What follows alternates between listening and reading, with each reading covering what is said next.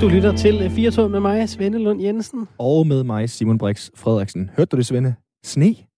Ja, simpelthen. 2020 byder simpelthen også på sne. Det var på tide at ske noget godt. Ja, det, det er selvfølgelig bøvet for bilisterne, men for alle os med børn.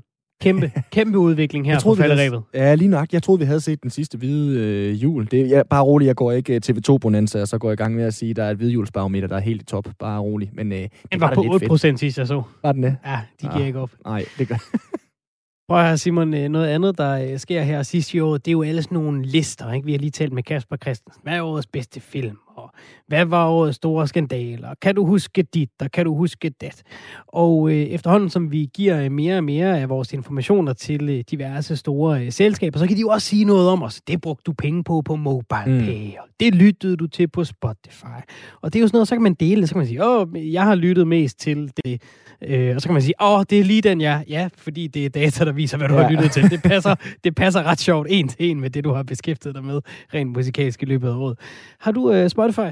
Det har jeg da. Nogle øh, glædelige overraskelser? Overhovedet ikke. Altså, er det meget... Øh... Det var meget det, jeg egentlig havde, øh, havde regnet med. Ja. Der har været... Øh, den mest lyttede sang i år, det er øh, Burnout med Calby for mig. Med, med hvem? Calby. Calby? Ja. Hvad er vi ude i her? Det er jo sådan noget lidt soulet noget. Altså, han har ligesom teamet op. Øh, det er en dansk soulmusiker, som laver lidt poppet soul. Eller ja, Lucas Gray, hat?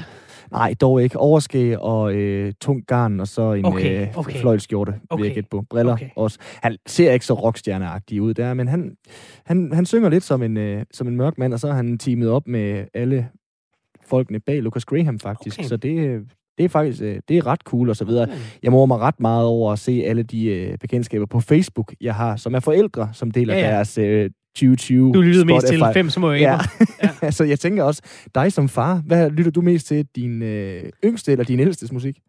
Øh, det er både og. De deles lidt. Så, okay. så, så skiftes vi lidt. Så vi hører meget sådan noget øh, Alberte, øh, Albertes bedste børnesang, ikke? Sådan noget øh, Frække Frederik og, ah. øh, og sådan noget, ikke? Øh, den, er, den er rigtig god. Ja, Chubang chokolade, ja, ja, ja. lige præcis.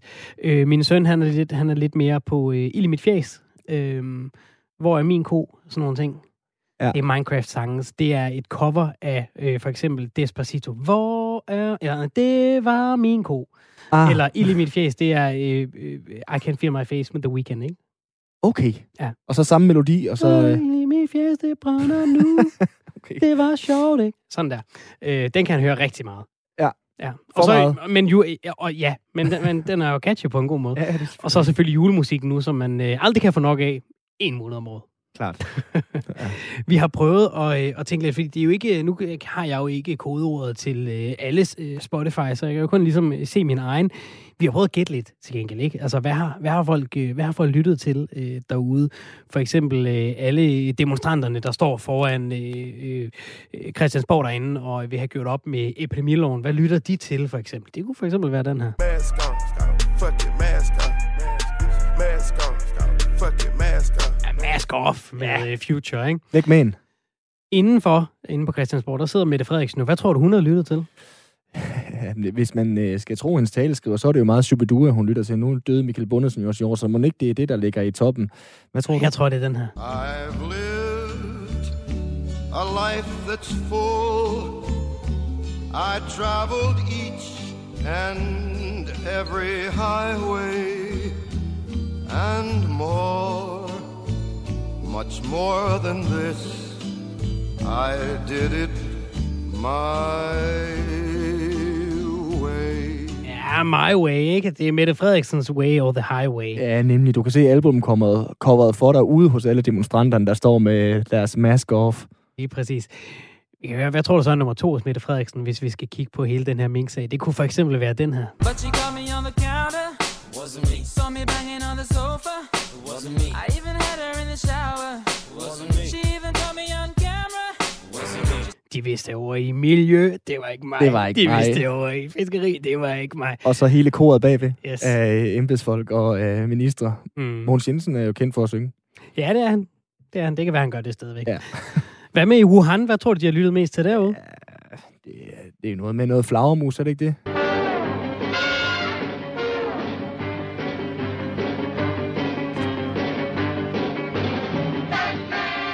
Batman, ikke? Et, et andet bud kunne være Lock Me Up. Ja. Kunne det ikke det? Var det ikke... Uh... Vi kan da gå over i, i politiet, så hvad tror du, Rigspolitiet har lyttet til? Det kunne for eksempel være den her.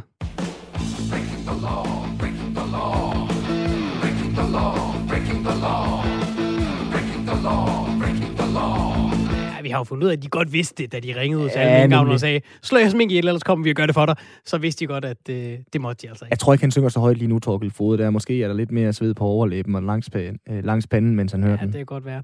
Hvad tror du, Jacob Ellemann lytter til? Ikke Batman, men Ellemann. Ellemann. Hvad lytter han til? Hvad lytter han til? Kom med et bud. Hvor, hvor, hvor er skygge? Hvor, hvor, hvor er skygge? Hvor, hvor, hvor er skygge? Hvor mon skygge er? Det fra Bjørn i det blå hus, øh, meget apropos. Der har jo været meget, øh, der har jo nærmest været en eftersøgning i gang i medierne. Hvor er Jacob Ellemann? Ja. Nu er han så kommet lidt mere i, i karakter som øh, oppositionsleder de, de, de, de senere øh, par uger. Hvis man skal prøve at tage fat i en af hans kompaner derovre, Christian Tulsendal, hvad tror du så, han hører? det, øh, det vil heller ikke. Jo, han har vel været relativt synlig, kan man sige, men det er jo ikke just for det positive, han har været synlig for. Nej, det er mere, det er mere fordi alle de andre bag ham, de står og peger ja. på ham og siger, øv, Kom nu i gang.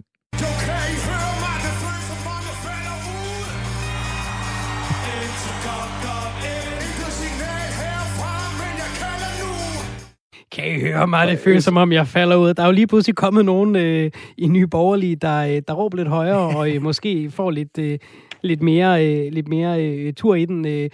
Jeg tror, han falder ud. Jeg tror, han simpelthen falder ud af borgen. det tænker, jeg tror, han har stået. Der har lige været øh, årsmøde. Har der ikke det, hvor han har stået måske? Åh oh, jo, der er hul igennem. Ja. Jeg falder ikke ud. Eller stået og banket på. Ja. Jeg tror, det var det. Hallo, hallo, det er mig, der skal være med her. Hvad med Frank Jensen? Hvad tror du, han har lyttet oh, til? nu skal vi uh, under bæltestedet. Det tør vi godt her i Firtoget.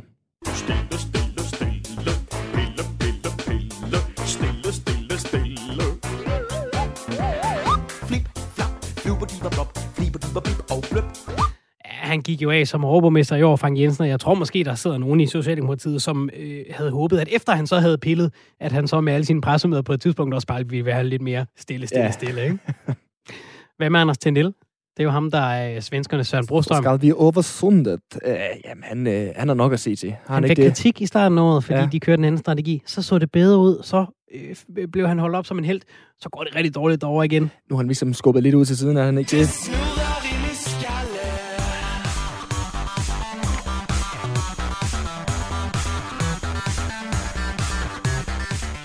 Man kan blive helt forvirret om, hvad, hvad der er op og ned, ja. og hvad man skal gå, hvilken vej man skal gå i sådan en coronastrategi. Ikke? Nu har Stefan Löfven vist taget lidt mere over på ligesom at være ansigtet ud af tid på øh, pandemien. Derover ja, i hvert fald. Så bliver, det, så, bliver det, så bliver det sådan en her nord for os også. det var et øh, lille bud på, øh, hvad øh, folk måske havde øh, øverst på deres øh, Spotify-liste, når den nu bliver øh, gjort op her i øh, slutningen af, af året. Du øh, skal være velkommen til at øh, fortælle os, hvad du har lyttet mest til i løbet af året, eller noget andet, du får lyst til at melde ind af i løbet af programmet. Du kan ringe til ind til os, 72 30 44 44. Du kan også sende en sms på 1424. Du skriver R4, så et mellemrum, og øh, så din besked. Du skal være så hjertelig velkommen, både øh, i hele timen her, men også til at øh, give din mening til kende, enten på øh, telefon eller sms. Med det, rigtig hjertelig velkommen til øh, dagens anden og sidste time af Firtoget her på Radio 4. Når vi har talt coronasvinde, så har vi jo talt rigtig meget om de brancher, der er hårdt ramt. Vi havde i nyhederne her for øh, ikke så forfærdeligt længe siden jo en snak om, hvor hårdt ramt SAS har været, og hvad der mm. skulle til for at holde hånden under SAS. Så har der ligesom også været nogle brancher, som øh, rent faktisk har kunne lukrere lidt på, at vi har været mere inde, og vi har været mere hjemme e-sport. I går, der snakkede vi gået hjælp med skak, fordi at det coronaen jo gør, at der lige pludselig er lidt mere ro på til at øh, gøre det. Ja, aktien på Netflix stiger og falder med vaccineudviklingen, ikke? Altså, der er jo nogen, der, er jo nogen, der har kronet dage. Det må vi sige. Og nu øh, tager vi lige et kig ind i en verden, der har været relativt mildt ramt af coronarestriktionerne, nemlig netcaféerne. Ja, dem, der stort set uddøde op gennem nullerne og i start 10'erne, de er tilbage, og de er tilbage i fuld flor. Og selvom de største af dem naturligvis er blevet ramt af forsamlingsforbud, så har Netflix eller netcaféer med plads til 50 mennesker og derunder kunne køre videre på fuld tryk. Det betyder selvfølgelig ikke, at kunderne de kommer vadende til, men det er et godt udgangspunkt for at drive en forretning, må vi sige, at man kan gøre nogenlunde, som man plejer. Jakob C. Sted, velkommen til. Tak.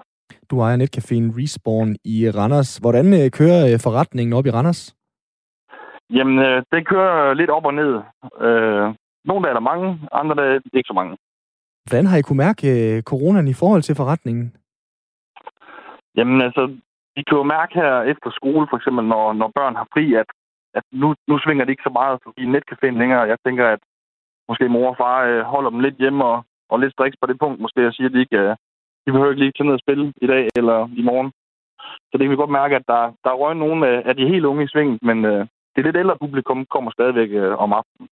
Ja, har I fået nye ældre publikummer? Fordi øh, vi har jo også her tidligere fire tog snakket om de her firma e-sports øh, grupper. Vi havde nogle øh, unge fyre fra DSB, som lige pludselig spillede en masse CS. Altså kan I mærke, at der også er kommet et andet publikum her under corona?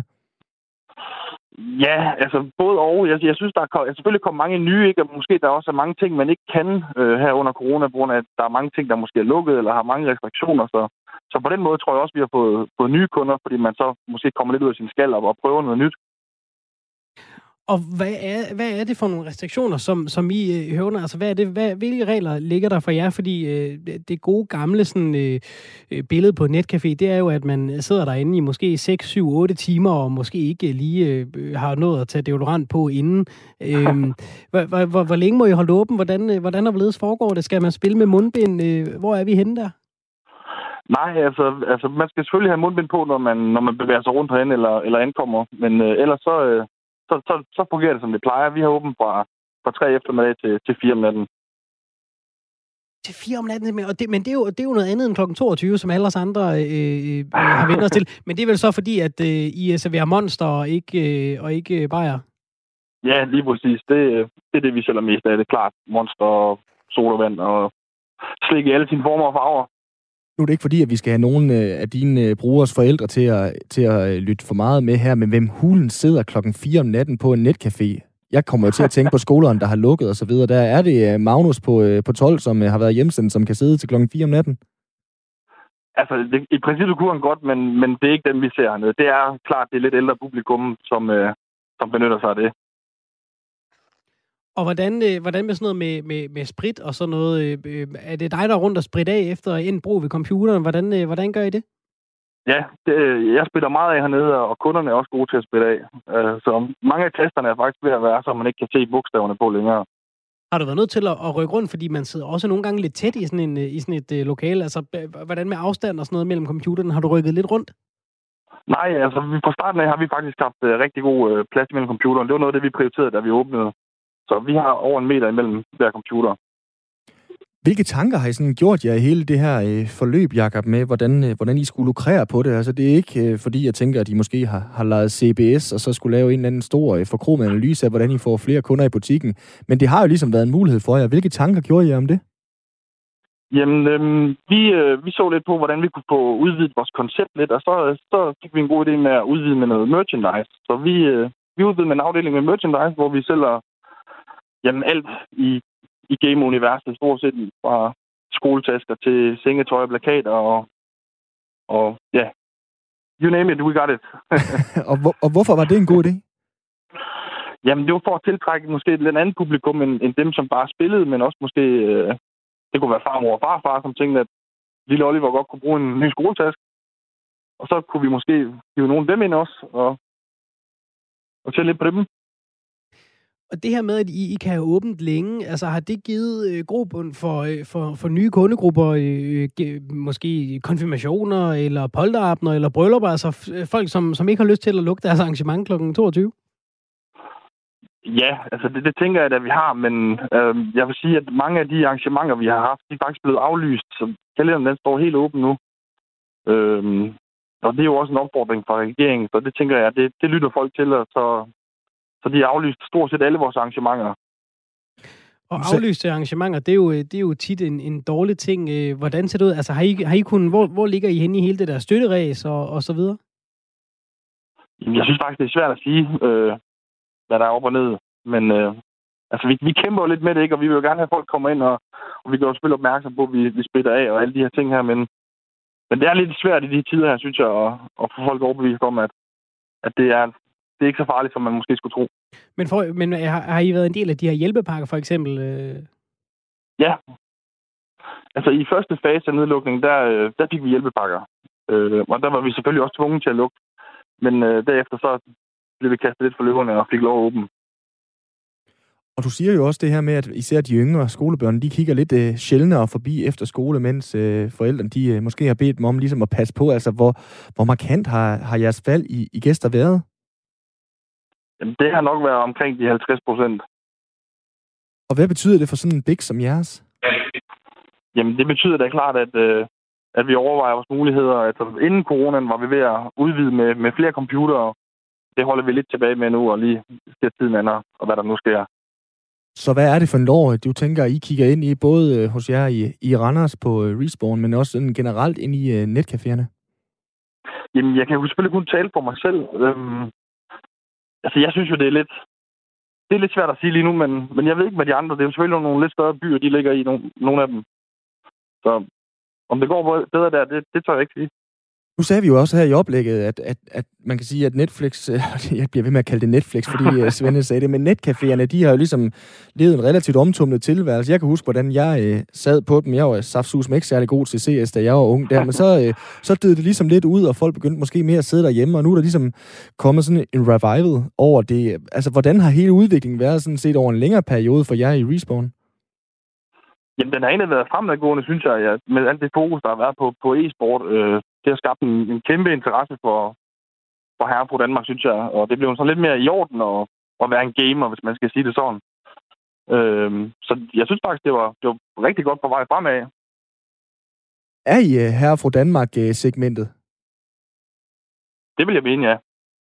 Jeg synes, at gaming, det er, det, det er for alle, og der er ikke nogen begrænsninger på. Det, det er godt, øh, det er et godt sted at skabe nye bekendtskaber og, og være sammen på en anderledes måde, end, end at altid sparke til en bold eller drikke bajer.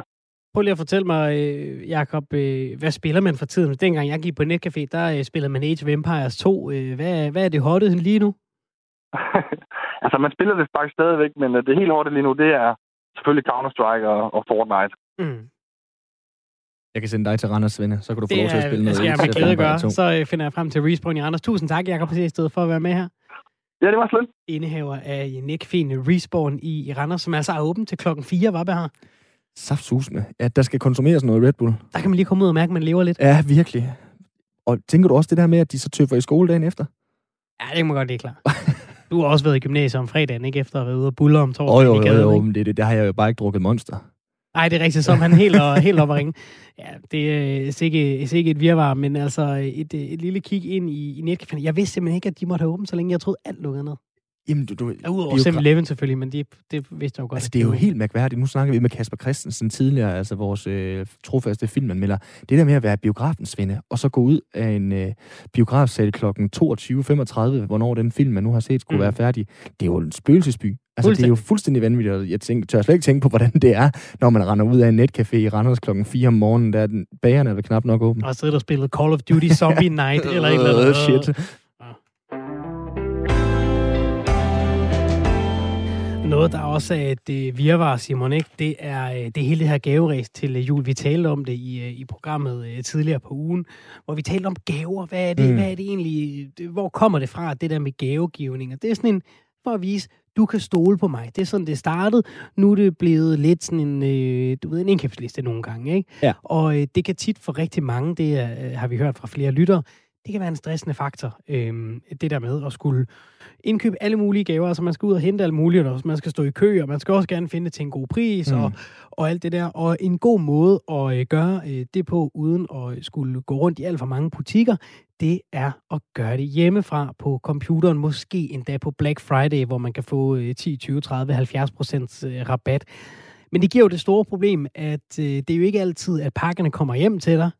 Det kan være, at de kommer i en pakkeshop. Det kan være, at PostNord de lige lader, som om de ringer på og siger, han var ikke hjemme. Og så sender en sms. Hej, vi har været forbi, selvom du har været hjemme i hjemmeisolation så... i 24 dage. Altså, du var der ikke. Øvbøv. Den øh, pose, du kan se, nu håber jeg ikke, at min bedre halvdel lytter med, men den pose, du kan se derovre, det er hendes øh, julegave, og den troede jeg, kunne okay. gå direkte herned i øh, Bruns galleri, og så øh, simpelthen bare tage med hjem der. Men så øh, viser det sig, at jeg skulle nærmest være tværs gennem Aarhus for at få fat i den, fordi det ikke lige var der, hvor jeg troede, den skulle hentes, at øh, den så øh, skulle hentes. Jeg kan blive sindssyg og sådan noget. Altså send den nu bare til butikken. Ja, hvis man, øh, hvis man kigger, hvis man lige øh, googler øh, pakkeshop øh, og kaos, så kan man se, at det, det er jo ikke noget nyt, øh, det her med, at der lige pludselig er, er mange pakker. Vi kunne se... Øh, øh, at øh, sådan et sted som Fætter BR, hvor jeg sad og holdt lidt øje til Black Friday, de måtte jo melde allerede på Black Friday, at leveringstiden på, på de ting, folk øh, bestilte, den kunne godt risikere at være efter jul allerede. Simpelthen fordi der var så mange, der, der købte det. Og det skal jo sendes øh, ud, og det skal jo hentes, og, og så videre. Og alle de her små stakkels øh, kiosker og øh, caféer, som har meldt sig som DAO og GLS ja, pakkeshops, de bliver jo altså stop fodret, proppet med øh, pakker hele døgnet. Du kan jo se, øhm, hvordan det vælter ud. Altså bare der jeg over jeg hente en pakke, der, også, der, det er helt vildt. Jamen, det behøver du ikke engang nogle gange. Nogle gange der er du nærmest ved at få papkassen i fjeset. Ja. Og, og den der afmagt, der er i sådan et, i sådan et rum, hvor øh, man, står, man står 20 mennesker, ikke? og vi har alle sammen vintertøj på, fordi ja. man tager ikke sådan jakken af, når man går ind i, i superbrusen og skal hente en pakke og måske lige have øh, de værste fornødenheder derhjemme. Så alle står har det varmt og bliver stresset. Og fordi man står, enten så står man og, øh, langt tilbage i køen og tænker, hvor lang tid kan det tage? Måske står man først i køen og tænker, hvor lang tid kan det tage? Fordi den der pakke, den er bare væk. Og, og så kigger og, man perplekst på en eller anden ung pige, som har det som et uh, studie eftermiddagsjob, som så beder om de sidste fire cifre, og så kan man bare se, når man ser de fire cifre, om den er fra GLS eller det ene eller det andet der, ja. så dør hun langsomt. Altså, og og jeg, har, jeg, har sjældent, jeg har sjældent haft mere ondt end folk, øh, øh, af folk, end, end når jeg ser sådan en, en, en gut, der har øh, sådan en, øh, du ved, telefonforretning på Nørrebro, og så, og så er der en pakke, der simpelthen bare ikke er der. Og han leder og leder. Jeg kan se, at han går op i det ja. med, med, med hud og Han er ikke ligeglad. Øhm, og den er der bare ikke. Mm. Og så står, så står alle også på den anden side. Den skal være der. Ja. Men det er den ikke. Den skal være der du må, du må gå hjem og ringe til GLS. Det skal jeg. Jeg skal have min pakke ja, det skal og, og, og, fordi, og, og, jo, tættere, jo tættere vi kommer på jul, jo mere kris ja, ja, bliver det. Ikke? Når man står der den 20., 21., 22. Uha, jeg skal bare have min pakke med hjem. Og det ja, det findes der ikke en vaccine mod det der. Lige nu. Jeg, jeg skulle ned og hente, og det, det kommer, jeg skulle ned og hente øh, en masse pakker i dag, øh, og, øh, og så, øh, så var der en, jeg har fået at vide øh, fra, fra DAO, den, øh, den er klar til levering, øh, og det fik jeg at vide allerede i sidste uge at den blev leveret næste dag. Så spurgte jeg lige dernede ved min lokale pakkepusher, kan, kan, du lige tjekke? Og det plejer de godt at kunne, ikke? De mm. plejer godt lige at kunne se. Kan du lige tjekke, ligger den derude? Så pegede han bare sådan på, altså poser og atter poser af pakker. Måske ligger den her. De er ikke scannet ind nej, nu. Nej, nej, nej, vi får 10 poser om dagen. Jeg ved ikke, hvornår vi når nej, det. Ja. Øhm, så den venter vi lige lidt med. Det er også fair nok. Ja, det må vi sige. Det er bare, hvem der med tålmodighed, også selvom du tror, du har valgt den nemme udvej, ikke? Ja, og den virker sjældent. Du kan jo gerne øh, melde ind med, øh, med din øh, værste øh, pakke øh, historie. Jeg er sikker på, at de fleste af os har en eller to. Det kan du gøre på 72 30 44 44 eller på øh, 14 24. Skriv R4 og så et øh, mellemrum, og så din besked. Og så en lille opfordring herfra. Måske også meget til mig selv. Husk tålmodigheden og julehumøret, ja. ikke? Lige præcis, og husk nu, at det er også bare mennesker, dem der står på den anden side, men det er nogle gange så sindssygt svært at huske, når nu, at PostNord, de siger, at de kommer på dagen, og de så stiller den ud foran ens opgange, så man skal vade op og ned af fjerde sal, og så de har sagt, jamen du er ikke hjemme. Jo, jeg var hjemme. Der er corona. Jeg har arbejdet hjemme i 100 år en eftermiddag. Hvad tror du selv? Du har det hårdt med at skulle op og ned fra fjerde sal, var? Så må Jamen, du flytte ud i stuen, skal du Ja, det er rigtigt. Der findes det er et helt andet uh, kæphest. Der findes ikke nogen, der bor i stuens venne. Har du nogensinde flyttet fra nogen, der boede i stueetagen? Jeg har da boet i stueetagen flere gange. Det er løgn. Nej, der find, jeg har aldrig nogensinde, det er sådan en ekstra dimension. Første sal, stueetagen, jeg har aldrig oplevet nogen, der øh, skulle flytte ind eller ud der. Det, det, det er mig en kæmpe gåde. Det er fordi, Hver eneste gang, jeg skal hjælpe nogen med at flytte der, så er det altid 6. sal, og det er øh, trapper, der er for smalle ja. til at få en øh, seng ned, og jeg bliver... Ja. Det er jo det. Man, man håber på en eller anden måde på hele tiden at flytte ned, ikke? Jo, ja. jo nemmere flytningen bliver, øh, jo bedre, jo bedre bliver det også på den måde. Jeg skal også jeg skal ud og have flere pakker i morgen. Jeg overgår det ikke. Det er værre, det er værre, det er værre råd, må jeg sige. Det er den 3. december, Svend. Det er 3. december. Ja, hvordan skal vi nogensinde komme igennem det? Og det er jo, og det er jo en anden del, ikke? Hvis, hvis pakkeshoppen er derude, øh, øh, er fuld pakkekaos allerede. Mm. Det er den 3. december. Ja. hvordan skal vi nogensinde komme i mål? Der er jo nærmest, altså der må være meget, der ikke er sendt afsted endnu, tænker jeg. Det vil da helt klart. Men hvis du siger, at Fætter B, at de ikke øh, kan levere alle deres pakker til juleaften, alle virksomheder, som ikke skulle have problemer, så burde ej, det ved jeg ikke. Peter V har måske gode grunde til, at de ikke kan levere det hele til jul, men det er det værste publikum, du ikke kan levere til til jul, tænker jeg. Det er ja, ja. ikke de unge mennesker. Ja, ja, nej, men det er jo ikke, det er jo ikke bare øh, den øh, trimmer, jeg har bestilt til ah, Black Friday, for lige at kunne øh, tage øh, håret øh, mm. Brostrøm-style. Altså, det er, det er jo virkelig øh, altså, æresgæsten, øh, julegaven til, øh, til poderne der øh, juleaften. Du lytter til øh, Firtoget på Radio 4. Klokken er øh, halv fem, og vi har en halv time tilbage af dagens program som sagt, så er telefonnummer 72 30 44 44, hvis du vil ringe ind til os. Hvis du vil sende en sms, så er det 1424. Du skriver R4 og så et mellemrum. Nå, så vi skal lige i gang med lidt uh, dansk, uh, ja, vi kan godt kalde det dansk sådan ordkløveri. Ja. Uh, sådan en apokalyptisk tilbagelægning tilbage i 86 af en ret så fantastisk fodboldspiller, som også var med til at starte sådan hele dynamitdrengenes fremfærd i uh, fodboldverdenen, den uh, klæber sig stadigvæk til Jesper Olsen. Uha, ja. det er et navn, der lever i uh, berygtighed, ikke? Nemlig, en fatal fejl, så kan du nærmest finde et billede af Jesper Olsen i uh, ordbogen.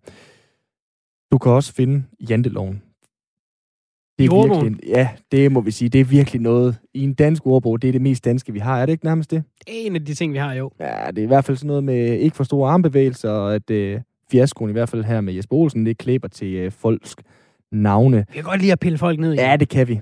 Hvor meget har vi pillet Martin Braithwaite ned? En del. Ja, har vi det? Og det har vi lidt, fordi han blev købt. Øh, han er fodboldspiller. Han spiller for FC Barcelona. Og det er jo øh, selv, øh, hvis man ikke interesserer sig for, for, for fodbold, så er det jo et navn, der giver genklang, ikke? Mm. FC Barcelona. Det er der nogle af de allerstørste spillere og øh, har spillet. De købte danske Martin Braithwaite i øh, foråret. De fik en øh, skade til en af deres øh, dyre franske stjerner. Og øh, så var der sådan en, en øh, lidet brugt regel i spansk fodbold. Så kan de bare købe en, selvom ja, ja. transfervinduet er lukket. Så øv bøv for øh, Martin Braithwaites øh, lille klub. Øh, Leganes, tror jeg det var Mm. Øh, så købte de bare Braithwaite, og de skulle egentlig bare lige bruge ham. Ja. Ikke særlig længe, og, og det var også sådan, det endte han her, endte hurtigt ud på bænken, tjente rigtig meget i løn. 150 millioner fik Leganes trods alt ud af det. Der. Jo, jo, det, er jo, jo, jo det siger lidt om, hvor mange penge der er i fodboldverdenen, ikke også? Men i hvert fald så, øh, så sidder han der i Barcelona, verdens, øh, en af verdens største klubber, og tjener fedt, og øh, måske skal de egentlig af med ham, fordi de skal skære lidt i lønbudgettet mm. på grund af corona. Han har været på bænken, han har ikke været interesseret i at skifte væk overhovedet. Nu er I begyndt at spille ham. Ja. Nu har han scoret tre kampe i træk. Det er helt vildt.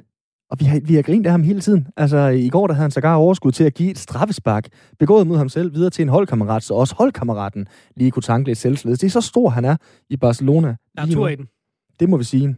Og alligevel så griner vi måske lidt af ham, selvom han også har scoret afgørende mål for det danske landshold. Sebastian Stanbury, journalist på Tipsbladet. Velkommen til. Tak skal du have. Griner du også lidt af Martin Braithwaite indimellem? Øh, nej, det gør jeg ikke. Det synes jeg ikke. Det synes jeg ikke, jeg har gjort på noget tidspunkt. Øh, men jeg har øh, lidt af, hvor absurd den her historie om han, ham og hans karriere har endt med at blive. Øh, hvis man skulle grine af Martin Braithwaite, så er det sådan for, hvis vi går sådan øh, 7-8 år tilbage eller sådan noget, hvor han spillede i Esbjerg og snakkede om, at han skulle til Real Madrid en dag. Øh, dengang tror jeg ikke, der var særlig mange andre end ham selv, der regnede med, at det skulle være en sandhed. Og det kom det så langt sandhed. sandhed. Det blev så efter Barcelona i stedet for. Øh, men der er alle mulige grund til at have respekt for, hvad han har opnået i, i sin karriere, og hvordan han spiller lige nu. Prøv lige at sætte nogle ord på, øh, hvis vi lige skal, skal blive ved det første, du sagde, Sebastian Stanbury. Hvor absurd har den her historie med ham været? Jamen, den, den, som du nævnte jo lige den her... Øh, altså for det første, jeg tror, Martin Braithwaite har haft en stabil karriere i udlandet, øh, og har også, var også god for Leganés. Øh, men så lige pludselig bliver han bragt i spil til, til Barcelona. Og som du siger, på grund af den her lide benyttede regel, som, som, som de havde mulighed for, og, og de kunne jo ikke bare købe hvem som helst, for det skulle ligesom også være en, en klub, der ligesom sagde, du må, I må gerne hente vores spillere midt i sæsonen, eller øh, som det var i det her tilfælde, han har en klausul, så vi ikke kan gøre noget. Og det sætter lidt begrænsninger for, om det de egentlig kunne få fat på. Så de skulle have en okay spiller fra den spanske liga, der ikke kostede alt for meget, og det blev så Martin Brathwaite. Og så fik vi lige pludselig en dansker i FC Barcelona for første gang siden Michael Laudrup. Og det var der rigtig mange, der stillede øh, satte spørgsmålstegn ved, om han havde niveauet, og så gik han ind og gjorde det faktisk rigtig godt til at starte med.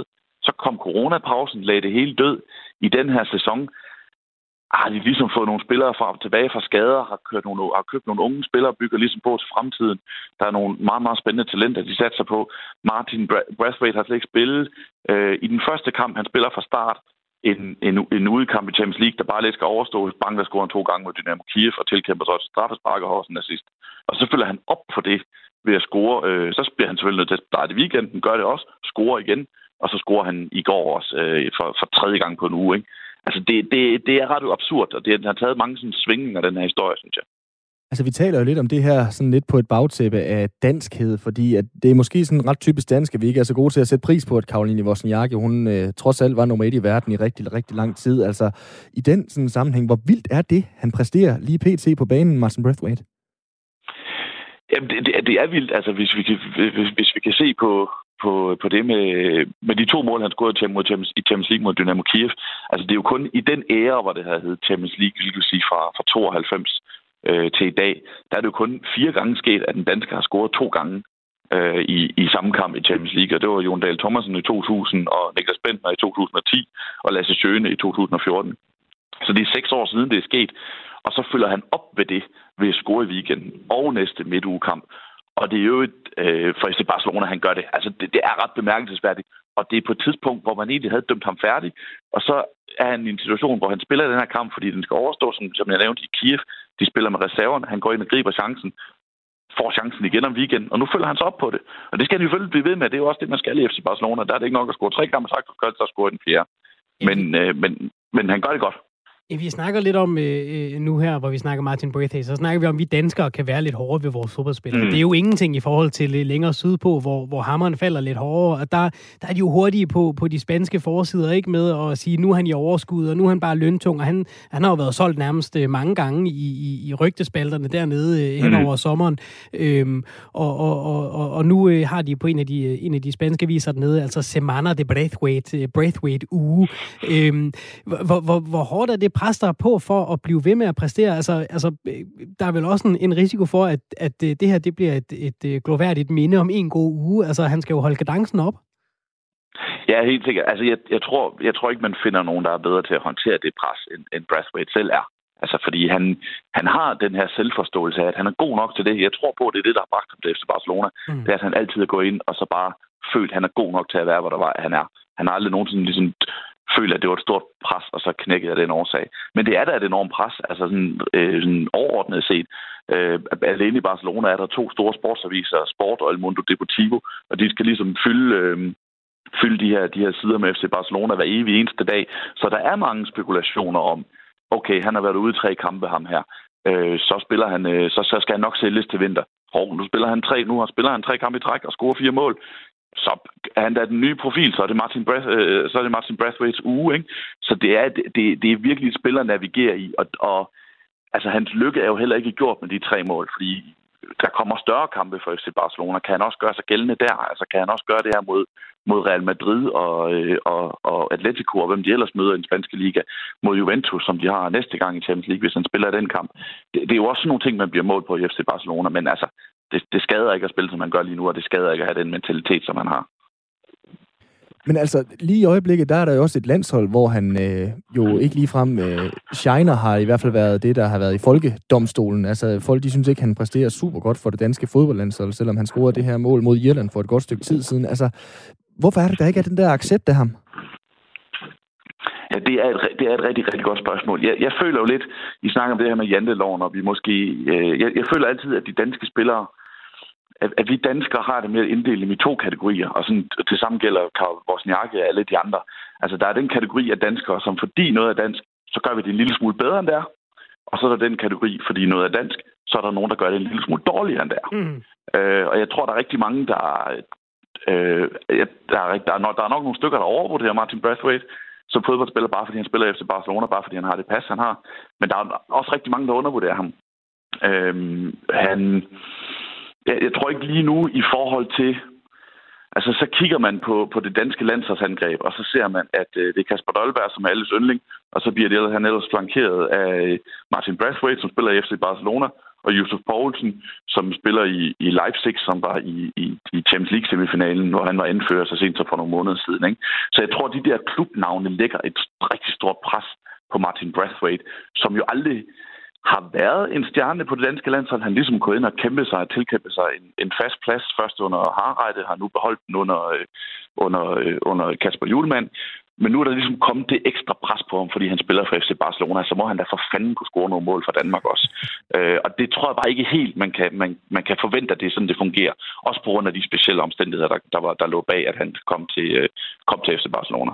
Nu nævner du, øh, nu nævner du landsholdet, Sebastian Stenberg. Vi har jo nærmest haft nogle, nogle sæsoner med landsholdet, hvor, hvor, hvor altså det meste af startelveren ikke var inde i, i, i billedet til at, at spille fast på deres egne hold, eller i hvert fald øh, over en bred kamp, øh, så havde vi ikke så meget succes med vores spillere ude i Europa. Øh, nu har vi sådan en som Pierre Emil Højbjerg, der gør det rigtig godt i, i Tottenham. Øh, det, som, så det, som Braithwaite laver lige nu i Barcelona, giver det også god grund til at være positiv, når vi kigger øh, fremad for landsholdet. Vi har jo en EM-slutrunde forhåbentlig på hjemmebane øh, i, i kikkerten. Øh, ja, hvis han kan blive ved. Altså, hvis han kan blive ved, det er jo det, det, det, det, det er en farlig verden, den her, ikke? Fordi Martin Braithwaite scorer, øh, scorer tre gange i, i, fire gange i november december 2020, ikke? Og så, så forventer jeg, at så skal han også scores til, til en semifinal til, til EM til sommer. Og sådan fungerer det jo ikke. Som sagt, der kan ske rigtig meget. Altså, det er en, det er en, det er en vanvittig klub, han er i. Det kan, det kan lynhurtigt gå ned ad bakke, og så kan han ryge på bænken igen.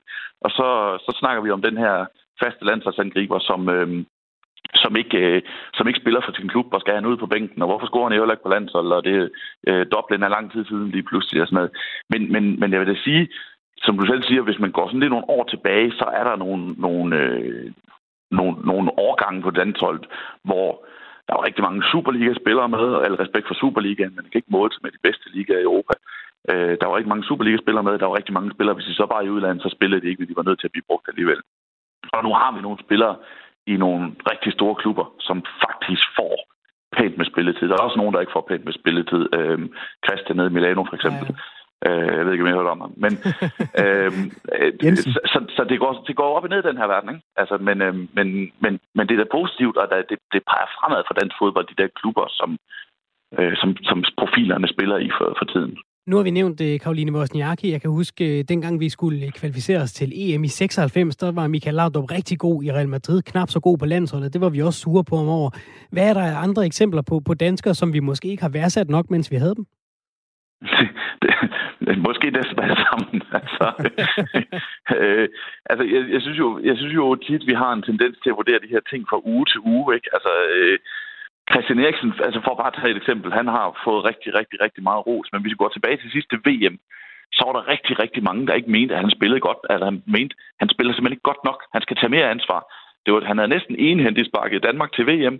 Han, øh, han scorede et mål i Rusland. Han lagde op til et mål i Rusland. Så mange mål scorede landshold heller ikke derovre. Og alligevel var der nogen, der ville have endnu mere. Ikke? Så jeg tror bare, mere vil have mere i den her sport.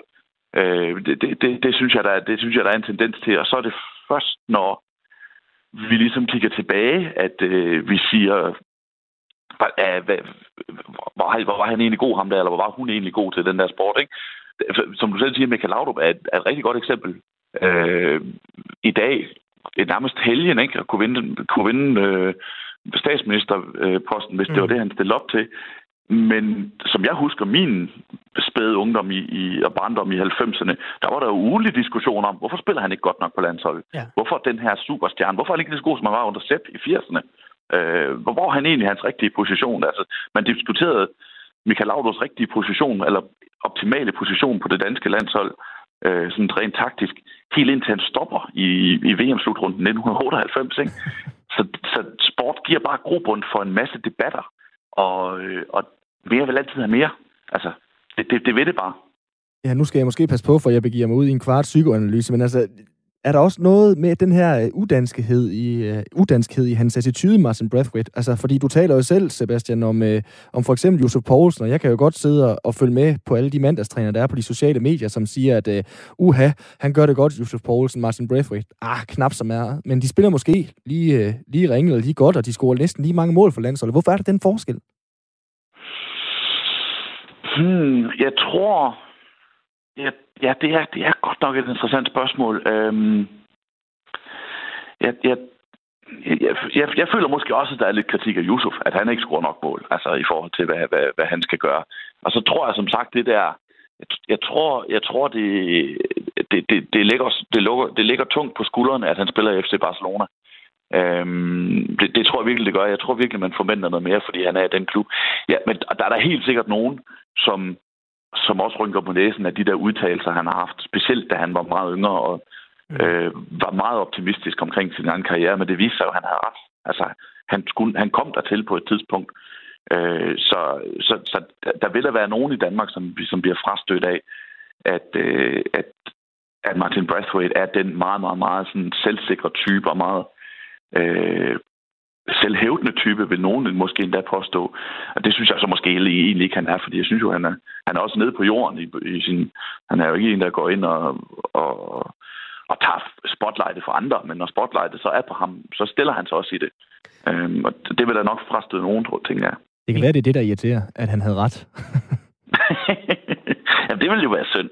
Og jeg tror, jeg tror tilsvarende også ikke, man skal undervurdere, hvor mange, altså der er også mange danskere, der er trætte af jantelov, som øh, ligesom glæder sig over, når, når der er en, der stiller sig frem og siger, jeg er sgu god nok til det her. Øh, og, det, og, og, og det er jo endnu, den, den slags er jo endnu mere forfriskende, når det så bliver fuldt op med præstationer, hvad end det så er i fodbold eller et hvilket som helst andet genre. I kan krydse fingre for, at det fortsætter lidt endnu, fordi det er trods alt sjovere, når det går godt. Du skal have tusind tak, øh, Sebastian Stanbury, journalist på Tidsbladet, for at være med her. Det var en udsøgt fornøjelse. Det var en fornøjelse for mig også. Hej. Hej. Det er jul, og selvom øh, gaveræset og juletraditioner og lys i gaderne fylder meget, så skal vi jo heller ikke glemme, at øh, julens anledning det er at fejre fødslen af ingen mindre end Jesus, Guds søn, manden, der øh, kunne gå på vandet og lave vand til vin. Vi vil nu gerne tegne et portræt af, af manden og forhåbentlig blive lidt klogere på ham. Velkommen til dig, Kasper Bro Larsen. Tak for det. Du er professor på Aarhus Universitet og forfatter til bogen, der øh, kort og godt hedder Jesus. Hvordan kan det være, at en jødisk håndværker fra udkanten af Palæstina fylder så meget i vores samtid? Ja, men det er jo en lang historie. Altså, Jesus han er vigtig, men øh, der er nogle, nogle, øh, nogle andre i historien, som har været hans øh, spindoktorer, kan man sige. Øh, nogen, der har været med til at udbrede kendskabet til ham. Først var der Paulus, der fik ideen om, at det Jesus ikke kun var for jøder, men for alle mennesker. Og siden blev kristendommen statsreligion i Romeriet. Så, så der, er en, der er en lang udvikling der. Jeg synes jo, det et eller andet sted er det allerede lidt, øh, lidt som det her interview, Kasper, fordi jeg tænker jo, Jesus det er den mest veldokumenterede mand, der måske øh, er hovedperson i den største bestseller, vi har haft nogensinde i verdenshistorien, Jesus, og nu laver du så en, en bog om ham. Hvorfor er det, der skal laves en, en, en bog om Jesus, som alle kender i en eller anden grad? Ja, ja nu er det jo lige ved højskolesangbogen og ved at overhale Bibelen, men, øh, men øh, du, har ret, øh, du har ret, ja. Øh, jamen altså, der er rigtig mange, når jeg sidder til familiefest, øh, som øh, spørger, jamen, øh, nå, hvad arbejder du med? Nå, jamen, hvem, hvem var han så egentlig, ham Jesus? Og øh, det, øh, det giver jeg så det endelige svar på i den der lille tænkepause, øh, hvis jeg nu skal overdrive lidt. Øh, jeg giver et bud på, hvordan man inden for mit felt ser på den historiske Jesus. Ja, altså den... med historievidenskabelige briller. Ja, forklar os lige det, fordi der er jo forskellige måder at anskue Jesus på, kan man sige. Ja, altså i kirken, så, så, så spørger man jo primært, øh, hvad kan vi bruge Jesus til i dag?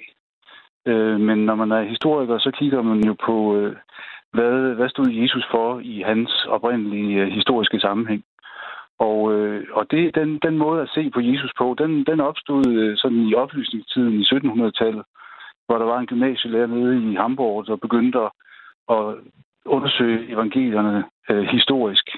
Øh, og øh, der lød et ramaskrig, men ret hurtigt så begyndte øh, teologien, altså studiet af kristendommen på universiteterne, at optage hans indsigt, at man bliver nødt til at skille mellem den historiske Jesus og man kan sige evangeliernes Jesusbilleder, ligesom vi også må skille mellem den, for eksempel den historiske Winston Churchill og så den film, der kom om ham for nogle år siden her. Den based on a true story, øh, men øh, evangelierne øh, handler for Jesus' vedkommende om at vise, hvordan Jesus fortsat er relevant i, i en ny tid er Jesus true story? Altså er han, øh, når man læser den i Bibelen for eksempel, det er jo en måde at anskue ja. ham på. Er det at ja. læse noget, der er based on a true story? Fandtes han?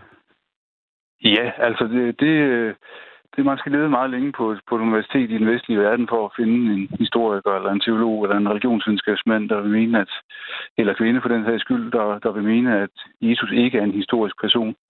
Men altså, man kan godt finde øh, ude på nettet nogen, der, der hævder det modsatte øh, Georg Brandes, den store danske litteraturmand der i slutningen af 1800-tallet, han skrev en lille bog, hvor han mente, at Jesus var, var det pure opspind, ligesom Wilhelm Tell i øvrigt. Så jeg håber ikke, jeg skuffer nogen ved at fortælle det.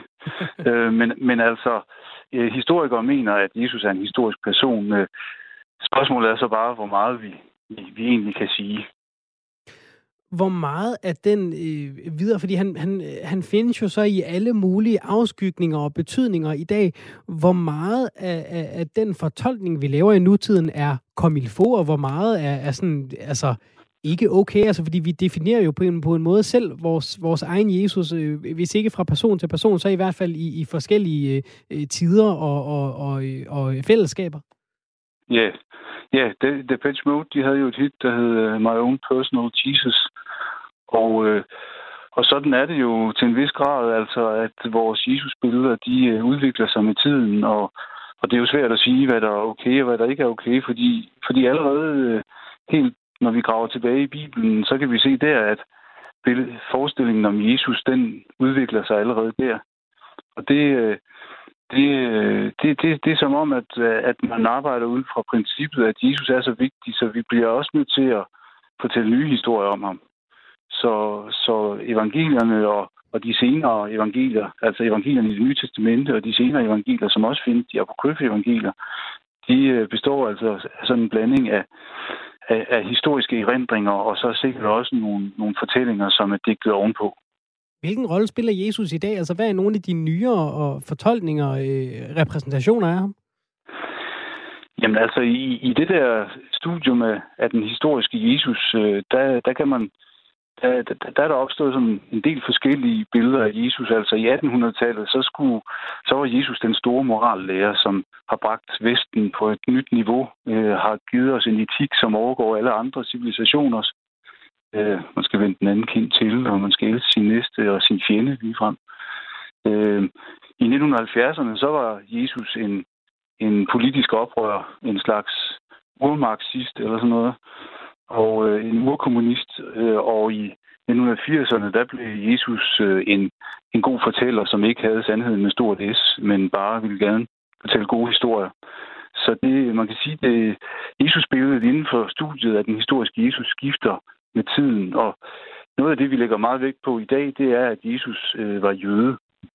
Altså, det kunne man jo ellers sige, det, det vidste man godt, men, øh, men det er jo noget, man glemmer både i kristen og jødisk tradition, at Jesus var en jøde, som, øh, som øh, en reformator i, i jødedommen.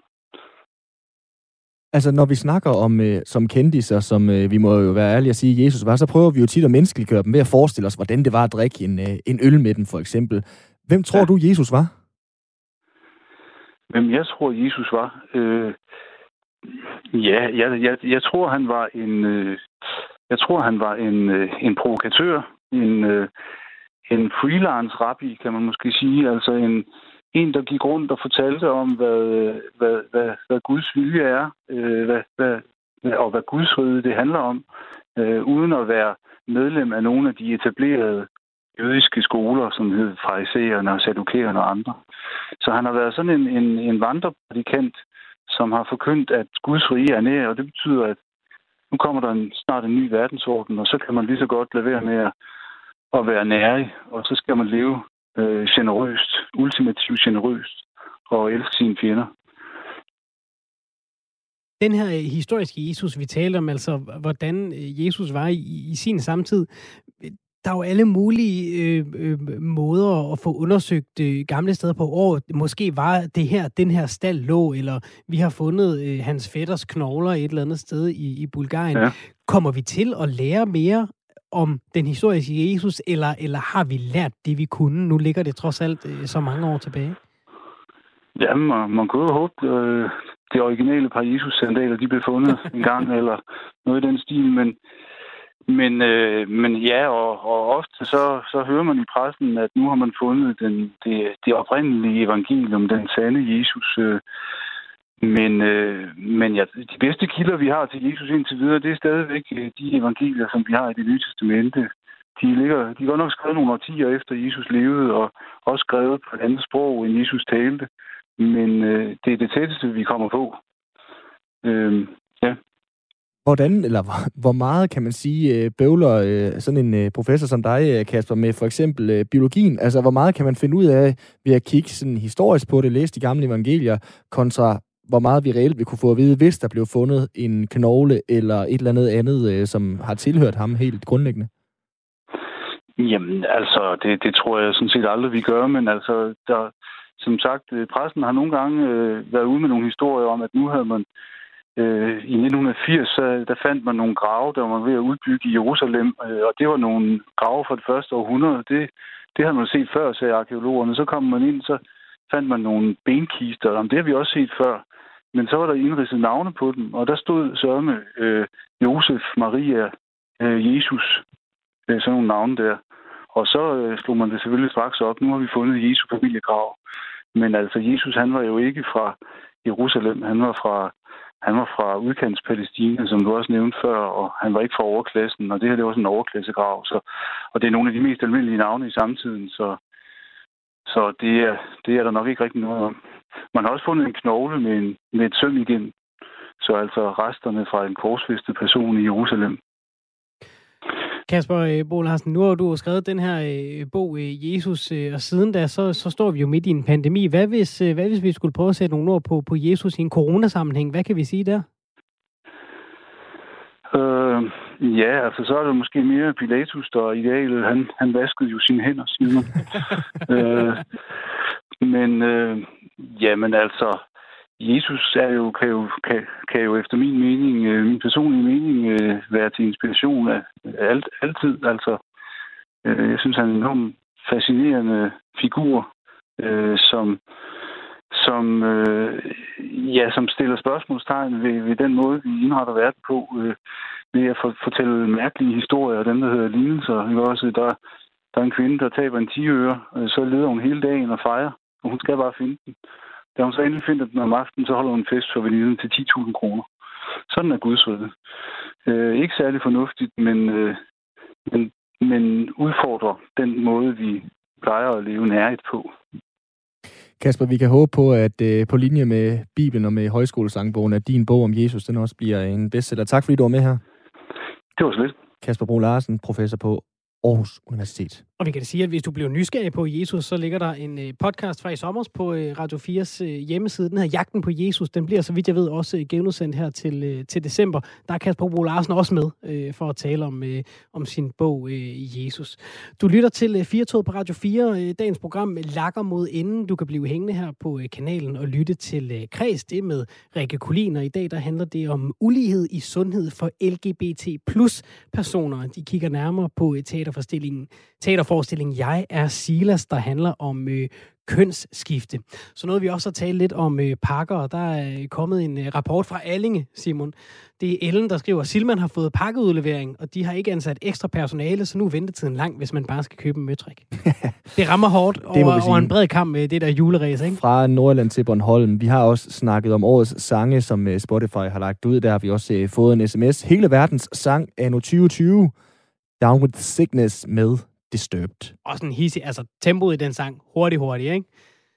Tak for i dag. Vi er tilbage igen i øh, morgen. Det har været en fornøjelse at øh, stå her for jer og øh, sende 80 ud endnu en gang. Vi gør det med glæde igen i morgen. Husk, at øh, telefonnummer hen til det er 72 30 44 44 eller 1424, hvis du vil sende en sms. Så det skal du endelig være velkommen til at gøre i morgendagens program.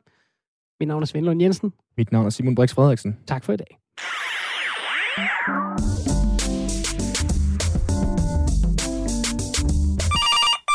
Radio 4 Lytterservice. Du taler med Esben. Det skal jo EPA. Ja. Øh, Danmark. Hvad her det for satan da? Den er helt gild. Steffen, den er helt gal jo for satan. Jeg ved ikke, hvad jeg skal have på. Ikke også? Jeg er blevet... Jeg, jeg kan ikke passe mit galla til... Ja, sgu, ja, jakkesæt, ikke også? Galla-jakke. Galla. Galla-jakke. Det skal jeg have til nytår, ikke også? Nå, ja. Jeg skal jo ikke noget. Hvad skal du? Skal du noget? Det er jo lidt anderledes her i de her coronatider. Hvad skal du? Jamen ja, det ved jeg skal ikke. Skal du, Steff, Esben? Man kan jo ikke rigtig... Hvad? Hvad, hvad skal du? Jamen, man kan jo ikke rigtig planlægge Fordi... noget i de her Jamen, coronatider. Nej, men hvis jeg skal ikke noget jo. Jeg ser, det er jo bare mig. Ja. Ikke også? Skal du heller ikke noget, skal vi ferie? Ja, jeg ved. Hvad? Jeg tror, hvis vi bliver... Ja, hvis nu, hvor mange må vi være? Vil du, vi må vel godt være fire. Ja. Jeg tænker at tage den der med Tine Møller og hvad her det er, uh, Stefan, hvad her han? Med, kan du klemme typen? Hvad her han? Ham, der, ham den tyk skadet. Mads Steffensen. Mads, ja, ham og Tine Møller, du ved nok. Ja. Det, de, dem har de jo skåret det ned til. Det er kun dem, man kan være sammen med. Her corona har jo gjort, man kun må se dem. Det er kun de to, man kan være. De skal holde nytår nu. Og vi er alle sammen inviteret. Skal du med? Øh, nej. Jeg tager slips på. Ikke også? Jo. Fedt. Det skal du komme med til, Esben. Ja. Kan du se, ser du også, ser du også nogle gange egentlig, eller? Nej, ja, jo. Nej. Nå, Ikke, ved du hvad? nej. Nej. Skal, hvad skal du? Skal du nøgenløsaften, Steffen? Det er, sådan, det, det, er, u- det er ikke sådan helt planlagt Hva? nu. Det er ikke... Så gør vi. Ring, hvis du mangler en, der skal se ved dig. Jo. Ikke også? Hej.